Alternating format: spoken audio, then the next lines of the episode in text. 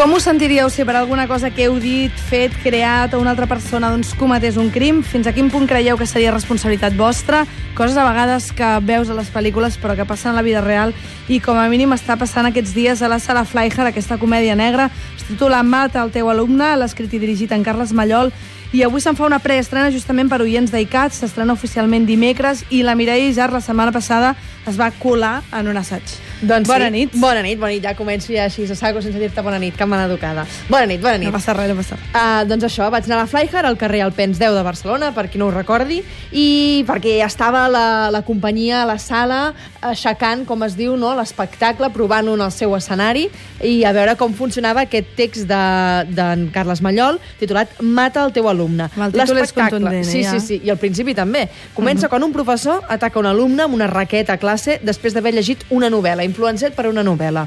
Entrem Ara, si un cas sentim com sona una mica aquest espectacle, entrem a la casa de l'escriptor d'aquesta novel·la, que el visiten la dona i el fill del professor que ataca l'alumne.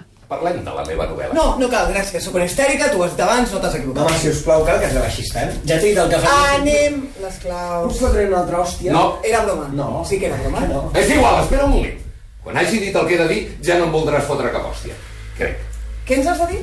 Abans. Ara ens has de dir alguna cosa? Sí, és que He abans- vingut a casa, tu has vingut a casa meva, no sé quantes vegades hem anat i vingut i no m'has dit res. I ara dius que ens has de dir alguna cosa, ara, després de tot el que ha passat, ara que en Roger és a la presó, ara ens has de dir alguna cosa? Ferran, Ens sonen algunes veus, eh? Exacte, sí, sí, són gent coneguda. Són els actors Maria Pau Pigem, en Quim Ávila i en Pepa Blasco. Ells donen vida a les dues famílies, la del mestre que ha comès l'atac i la de l'autor de la novel·la, i a través dels desdoblaments de personatges anirem veient com una desgràcia com aquesta afecta les persones. Això és també una mica voluntat d'anar més enllà de les notícies, no? perquè quan passen fets d'aquests tan cridaners, veiem els titulars el dia que ha passat, però no després desapareix, no sabem No, què bueno, passa. A més a més, ara han, han, coincidit gairebé amb el temps amb el crim aquest de la Sagrera. Vull dir que és Exacte, una de mica... l'Institut Joan Fuster. Um, ells se'n volen allunyar, això estava fet abans i no té res a veure, però a sí que, revés, no? sí que volen parlar de, de les conseqüències d'un fet així, les seqüeles que deixa en les persones. No? Era el que tenia ganes de, de preguntar-se en Carles Mallol, que per aquest text justament va guanyar el 38è Premi Born de Teatre.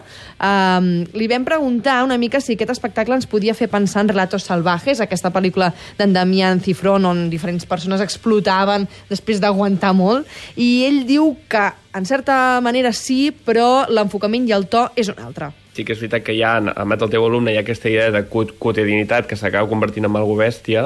El passa que com que passa fora de camp, diguéssim, la nostra obra, i el que veiem és, com per exemple, el professor aquest que acaba fent això bèstia, que sí que podria estar dins de Relatos Salvajes, el que veiem aquí és què li passa a la seva dona després, què li passa al seu fill, què li passa a un novel·lista que ha escrit una novel·la on s'explicava exactament el mateix, i que, per tant, la seva vida quotidiana es transforma en algo estrany per això et dic que sí que té un punt de Relatos Salvajes, però aquest humor tan esperpèntic que té Relatos Salvajes, diguéssim que aquí hi ha humor, però no està en aquest, posat en aquest nivell.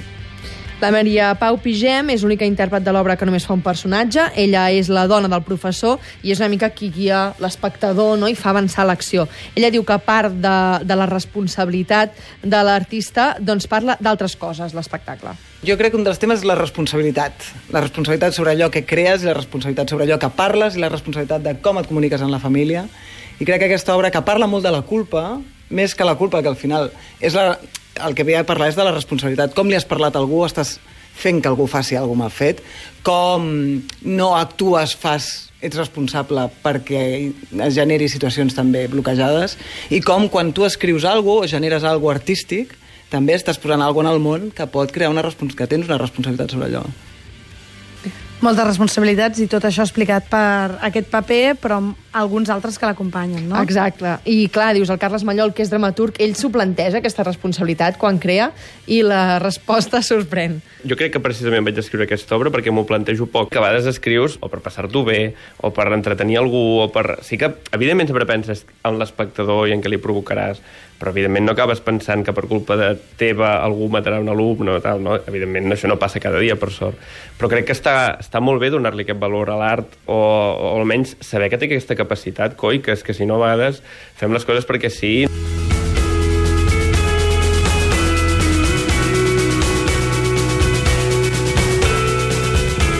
Tota l'obra juga amb la dualitat constant de mons, espais i temps que es barregen, anem endavant i endarrere, i això es mostra en el decorat també que, tot i que la Freiherr és petita i és complicat fer-ho, uh -huh. aconsegueixen marcar dos espais escènics que es fusionen. És veritat que el joc té un punt de risc de cara a l'espectador, no? és a dir, que li demana un punt de jugar, d'implicar-se amb l'obra, però l'obra en el fons és molt Flyhard, diguéssim. És una obra que explica una història molt quotidiana, molt propera a l'espectador i que simplement li demana estar atent en alguns moments, però, perquè, però precisament és el joc de l'obra, és fins i tot divertir-te, enganyar-lo, fer-li creure que ara està veient una escena que és un personatge i després de l'altre.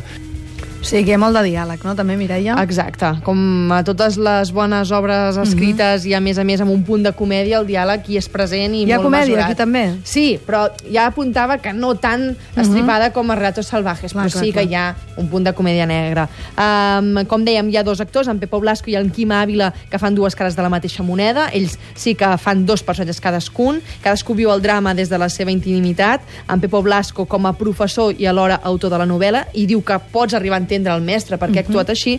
I en Quim Ávila, que fa de dos fills, el fill del professor i el fill de l'autor de la novel·la, um, i que mostra... eh, No ens va voler explicar gaire cosa, va dir um, és molt impressionant el que pot arribar a fer un fill per acostar-se al seu pare. Ho deixa aquí. um, I com dèiem, això que deies tu ara de, de la, del text, no? que és molt important com està escrit el text, doncs tota la I el companyia... ritme, no? Perquè aquí hi ha el molts ritme, personatges. Exacte. Ells mateixos m'ho van estar explicant, també.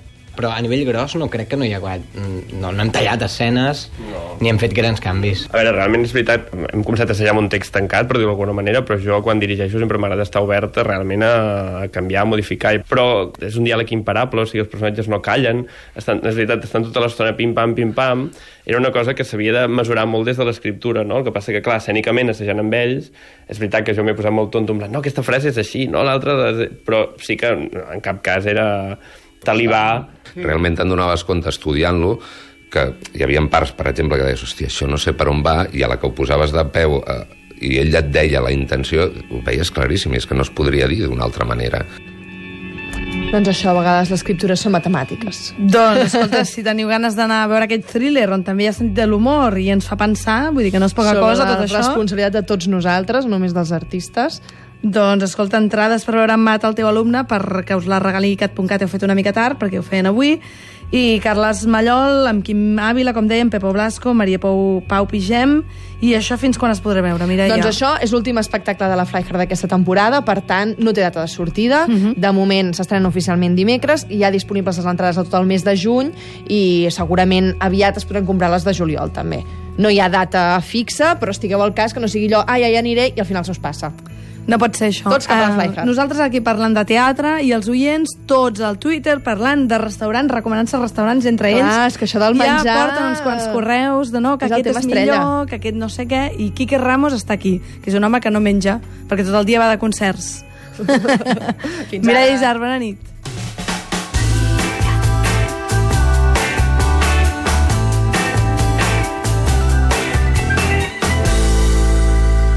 icat.cat